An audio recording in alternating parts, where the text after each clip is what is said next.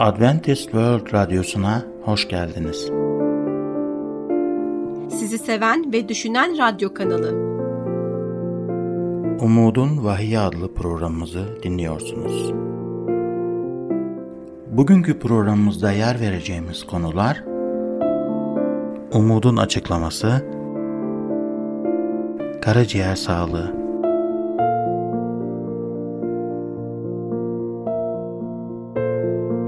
Değerli dinleyicilerimiz, programımıza hoş geldiniz. En son cehennem hakkında konuşmuştuk ve oranın gidebileceğiniz bir yer olmamasından bahsetmiştik ve cehennemin ne zaman ortaya çıkacağından bahsetmiştik. Bugün ise bu konuyla devam edeceğiz. Bu konuda aklınıza takılan her türlü soruyu cevaplamaktan mutluluk duyacağımız için lütfen hiç çekinmeyin ve WhatsApp numaramız olan artı 357 99 786 706 üzerinden bize yazın. Kutsal kitap kötülerin yok edildiğini öğretmektedir. Kötülerin kaderi konusunda oldukça açıktır. Kötüler ölecek. Romalılar 6.23 şöyle diyor. Günahın ücreti ölümdür. Eğer bir kişi sürekli alevlerin içinde kalsaydı bu kişi ölür müydü? İkincisi, kötüler mahvolacak. Luka 13. bölüm 3'te şöyle diyor. Ama tövbe etmezseniz hepiniz böyle mahvolacaksınız. Evet mahvolacaksınız. Üçüncüsü kötüler yakılacak. Malaki 4.1'de ise işte o gün geliyor fırın gibi yanıyor. Kendini beğenmişler kötülük yapanlar samandan farksız olacak. O gün hepsini yakacak. Evet hepsini yakacak. Dördüncü olarak kötüler tamamen tüketilecek. Mezmur 37-20'de şöyle diyor. Ama kötüler yıkıma uğrayacak.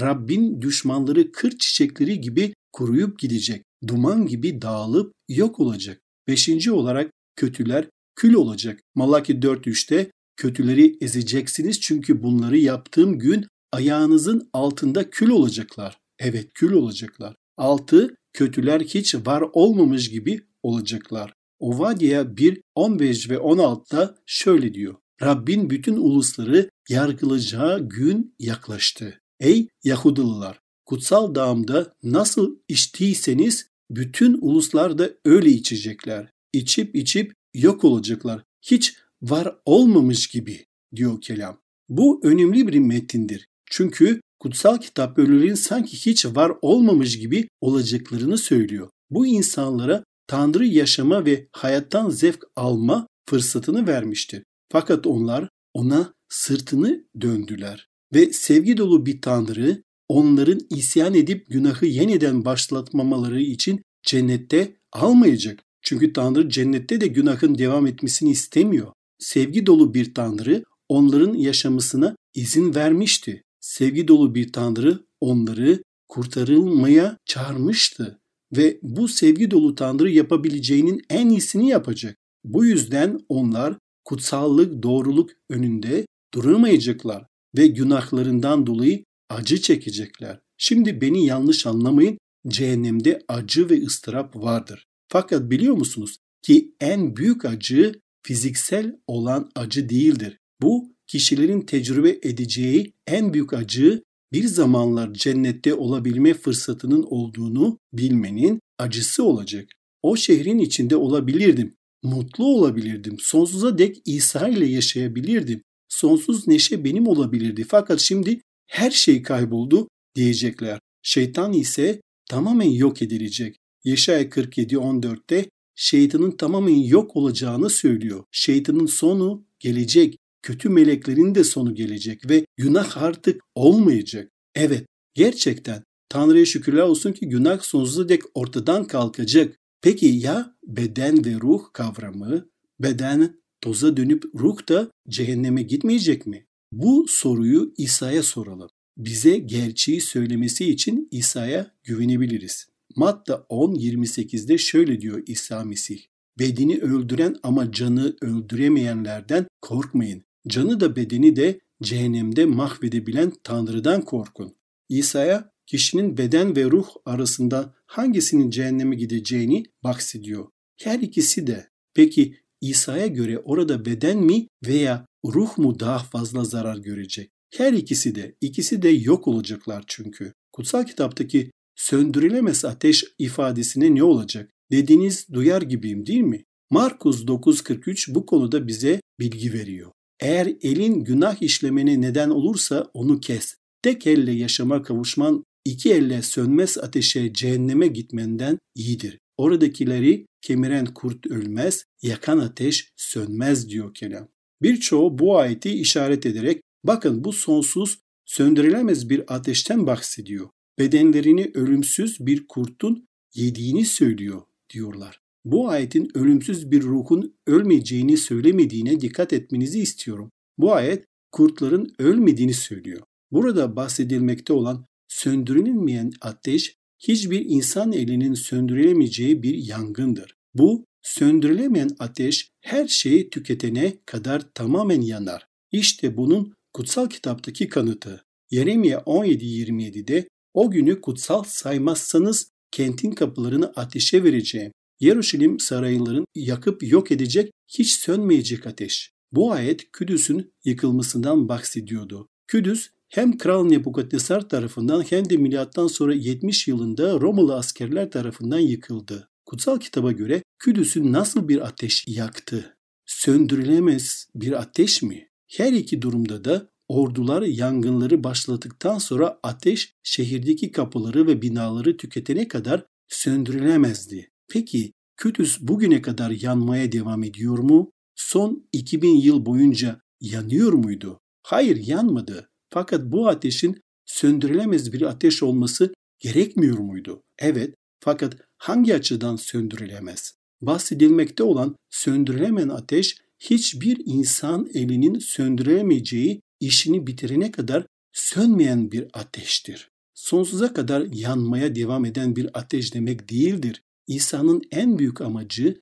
erkekleri ve kadınları sevgiyle kurtarmaktır. Fakat bu insanlar onun kurtarışına isyan ederlerse sönmez bir ateş onlarla beraber evrendeki tüm günahları tüketecektir. Bir gün günahın tek bir tozu bile kalmayacak. Tanrı eksiksiz bir iş yapacak. Tanrı başlattığı kurtuluşu tamamlayacak ve artık günah sonsuza dek yok olacak. Bir gün hüküm sürecek tek şey kutsallık ve doğruluk olacak. Tanrı İsa ve kutsal ruhla birlikte tahtına oturacak ve ona güvenen imanlılar sonsuza kadar onunla yaşayacaklar. Günah cehennemde bir yerlerde var olmaya devam etmeyecek. Günahkarlar cehennemde bir yerlerde bulunmayacak. Şeytan cehennemde bir yerlerde kalmaya devam etmeyecek. Hayır, bunlardan hiçbiri geriye kalmayacak. Çünkü Tanrı günahın olmadığı yeni bir dünya yaratacak. Devam etmeden önce bu konuyla ilgili herhangi bir sorunuz olursa diye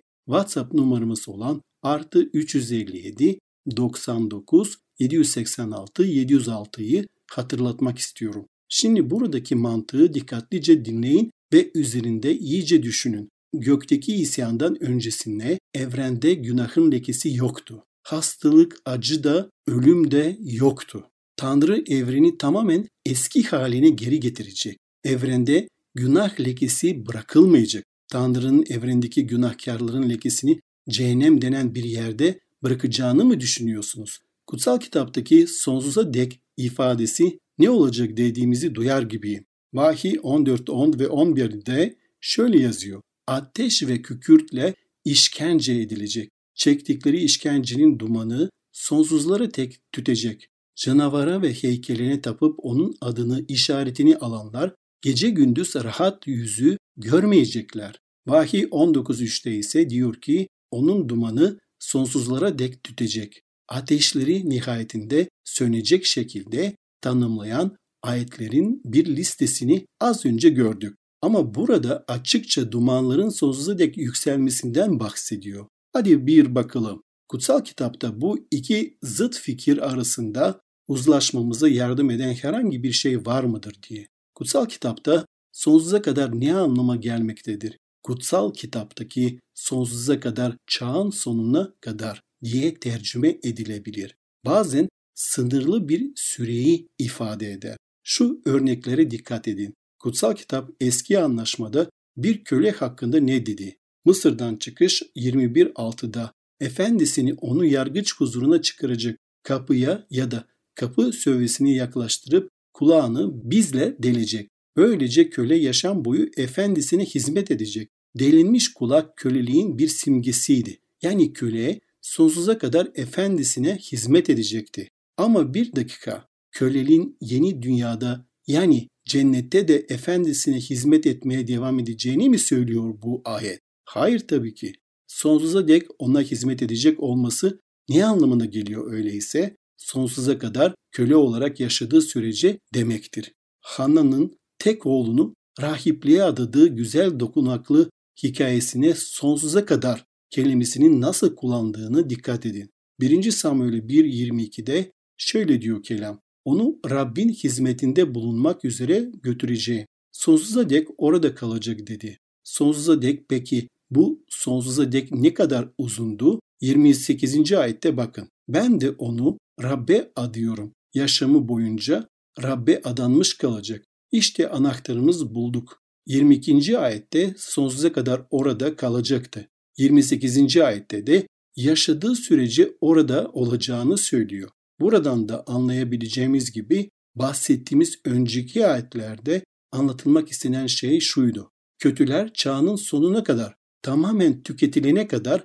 alevler içindedirler. Yanıp hayatını kaybedene kadar.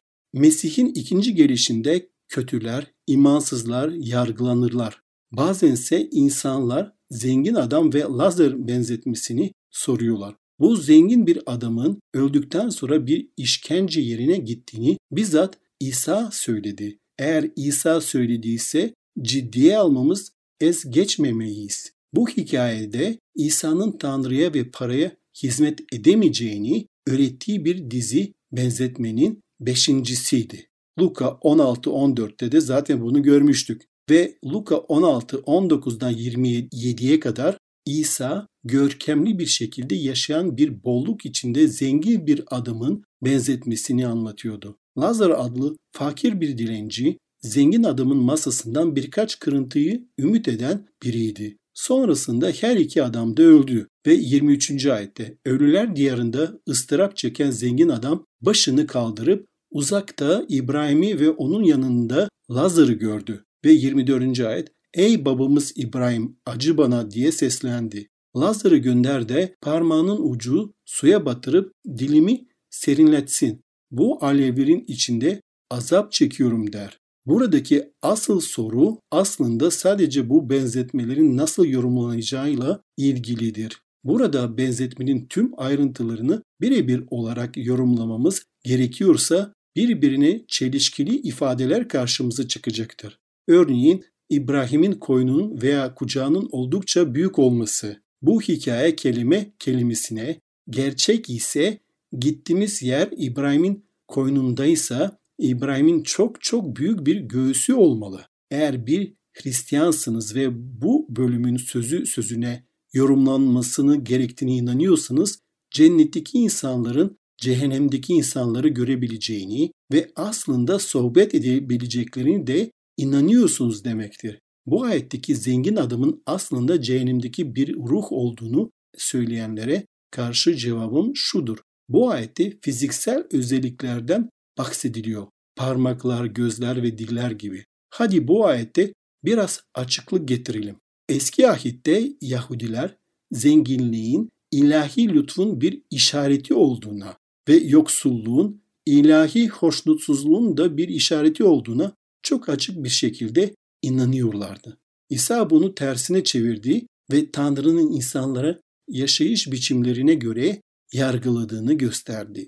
Kutsal kitap yazıları bizim kardeşlerimize karşı olan görevlerimizi anlatmak için oldukça yeterlidir. Manevi bir gerçeği ortaya çıkartmak için anlatılan bu hikaye İsa'nın dinleyicileriyle beraber Farisilere de bu öğretiyi açıklığa kavuşturmak için bir araç oldu. Kutsal yazı kötülerin sanki hiç var olmamış gibi yok olacaklarını açıkça söylüyor. Günah yok edilir. Günah sadece bu dünyadaki hayatlarımızı mahvetmekle kalmaz. Aynı zamanda hayatlarımızı sonsuza kadar da mahveder.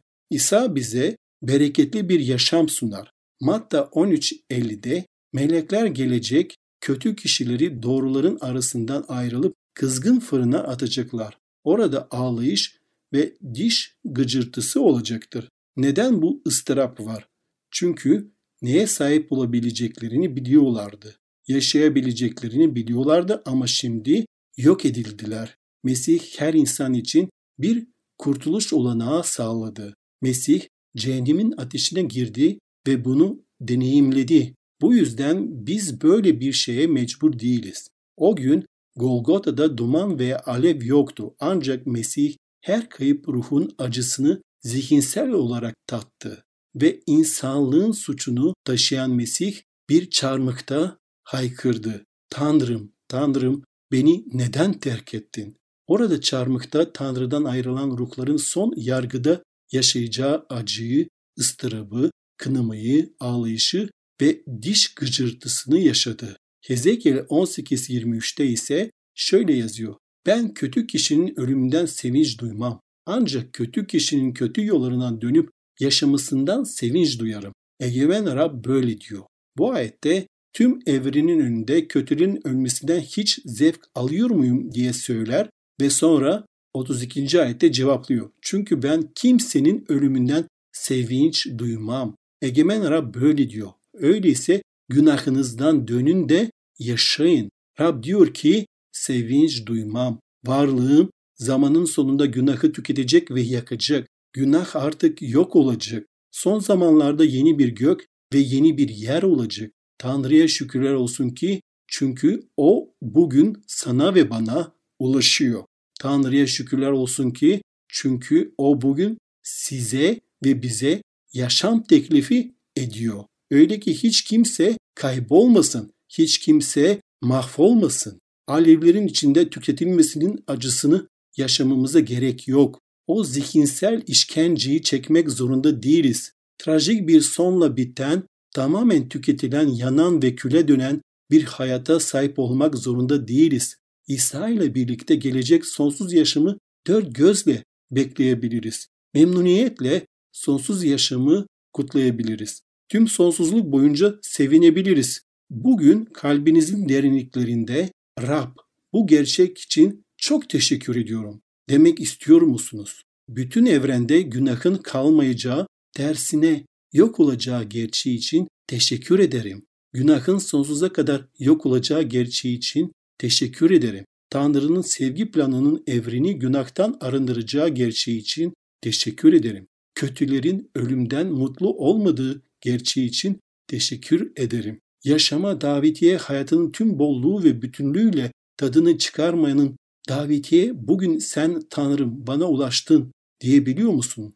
Başınızı eğip duanızda Tanrım bugün için teşekkür ederim çünkü biliyorum ki günah sonsuza dek yok olacak diyebiliyor musun? Başınızı göklere doğru çevirip Rabbim beni unutma çünkü sonsuza kadar seninle yaşamak istiyorum demek geliyor mu içinizden? Eğer öyleyse hadi hep birlikte dua edelim. Bugünkü bölümle ilgili herhangi bir sorunuz varsa ya da kutsal kitabın sunduğu gerçeği takip etmek istiyorsanız veya özel bir duaya ihtiyaç duyuyorsanız lütfen hiç çekinmeyin ve hemen bize WhatsApp numaramız olan artı 357 99 786 706'dan veya e-mail adresimiz olan radyo.umuttv.org adresinden ulaşın. Sizi bekliyoruz. Bugünkü konumuzun sonuna geldik. Şimdi sağlıkla ilgili konumuzla programımıza devam edeceğiz. Bizi dinlemeye devam edin. Görüşmek üzere.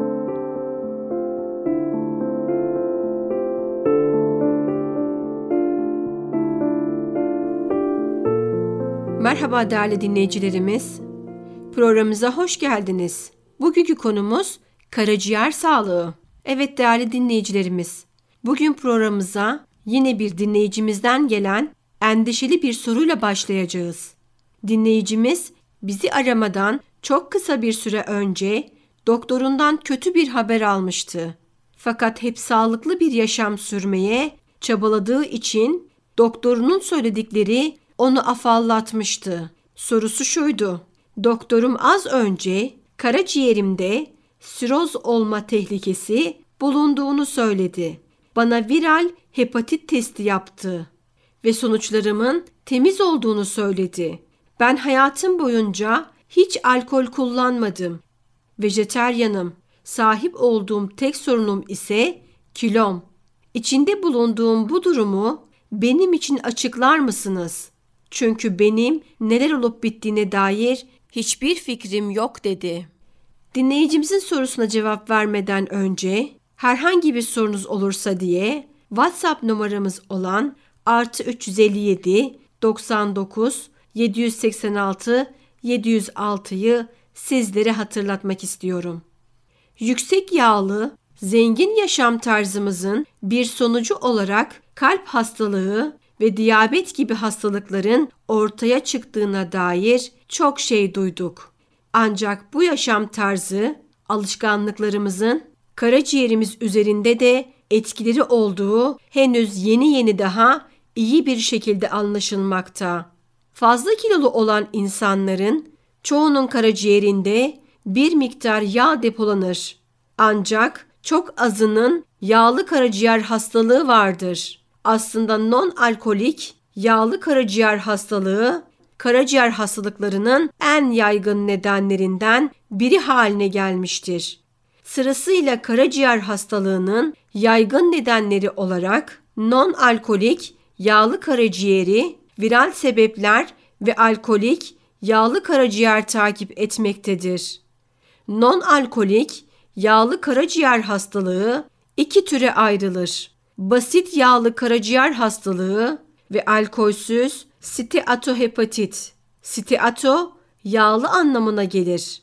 Bu durumlardan her ikisi de obezite yani insülin direncine sahip ve muhtemelen bu programı düzenli olarak dinleyenler tarafından da iyi bilinen metabolik sendromlu bireylerde daha sıklıkla görülür. Her olasılıkta iki türü de aynı tema üzerindeki bir sürekliliği temsil eder. Non-alkolik, karaciğer hastalığı olan çoğu insanın insülin direnci vardır. Ancak hepsi diyabetik değildirler.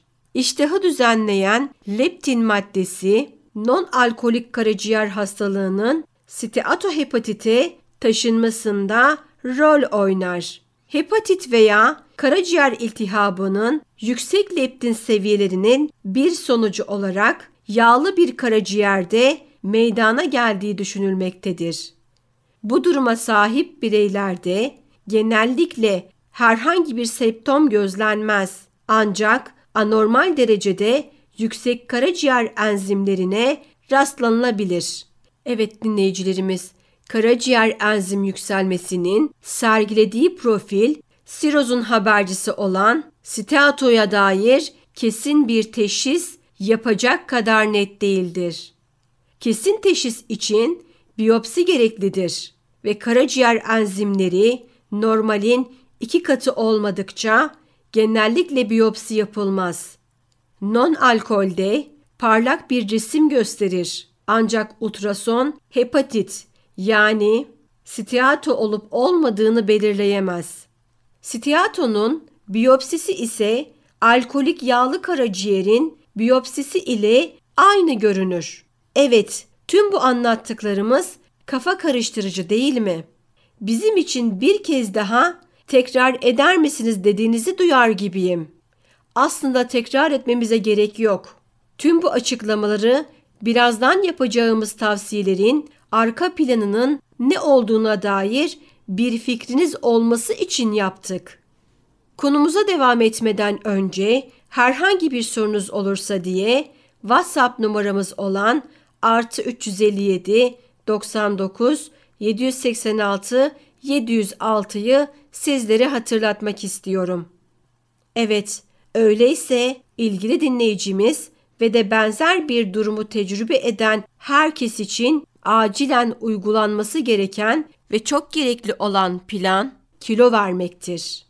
Dinleyicimizin sahip olduğu hastalık için metmorfin adı verilen bir ilaç faydalı olabilse de asıl amaç kilo vermek olmalıdır.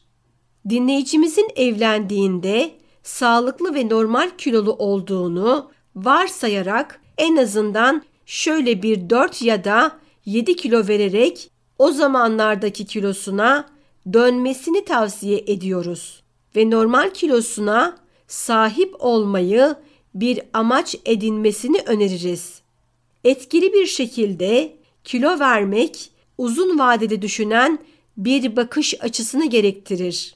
Günlük 45 dakikalık bir yürüyüşe çıkmaya başlayabilir ve ardından da günlük kalori alımınızı 1400 ila 1500 kaloriye kadar düşürebilirsiniz.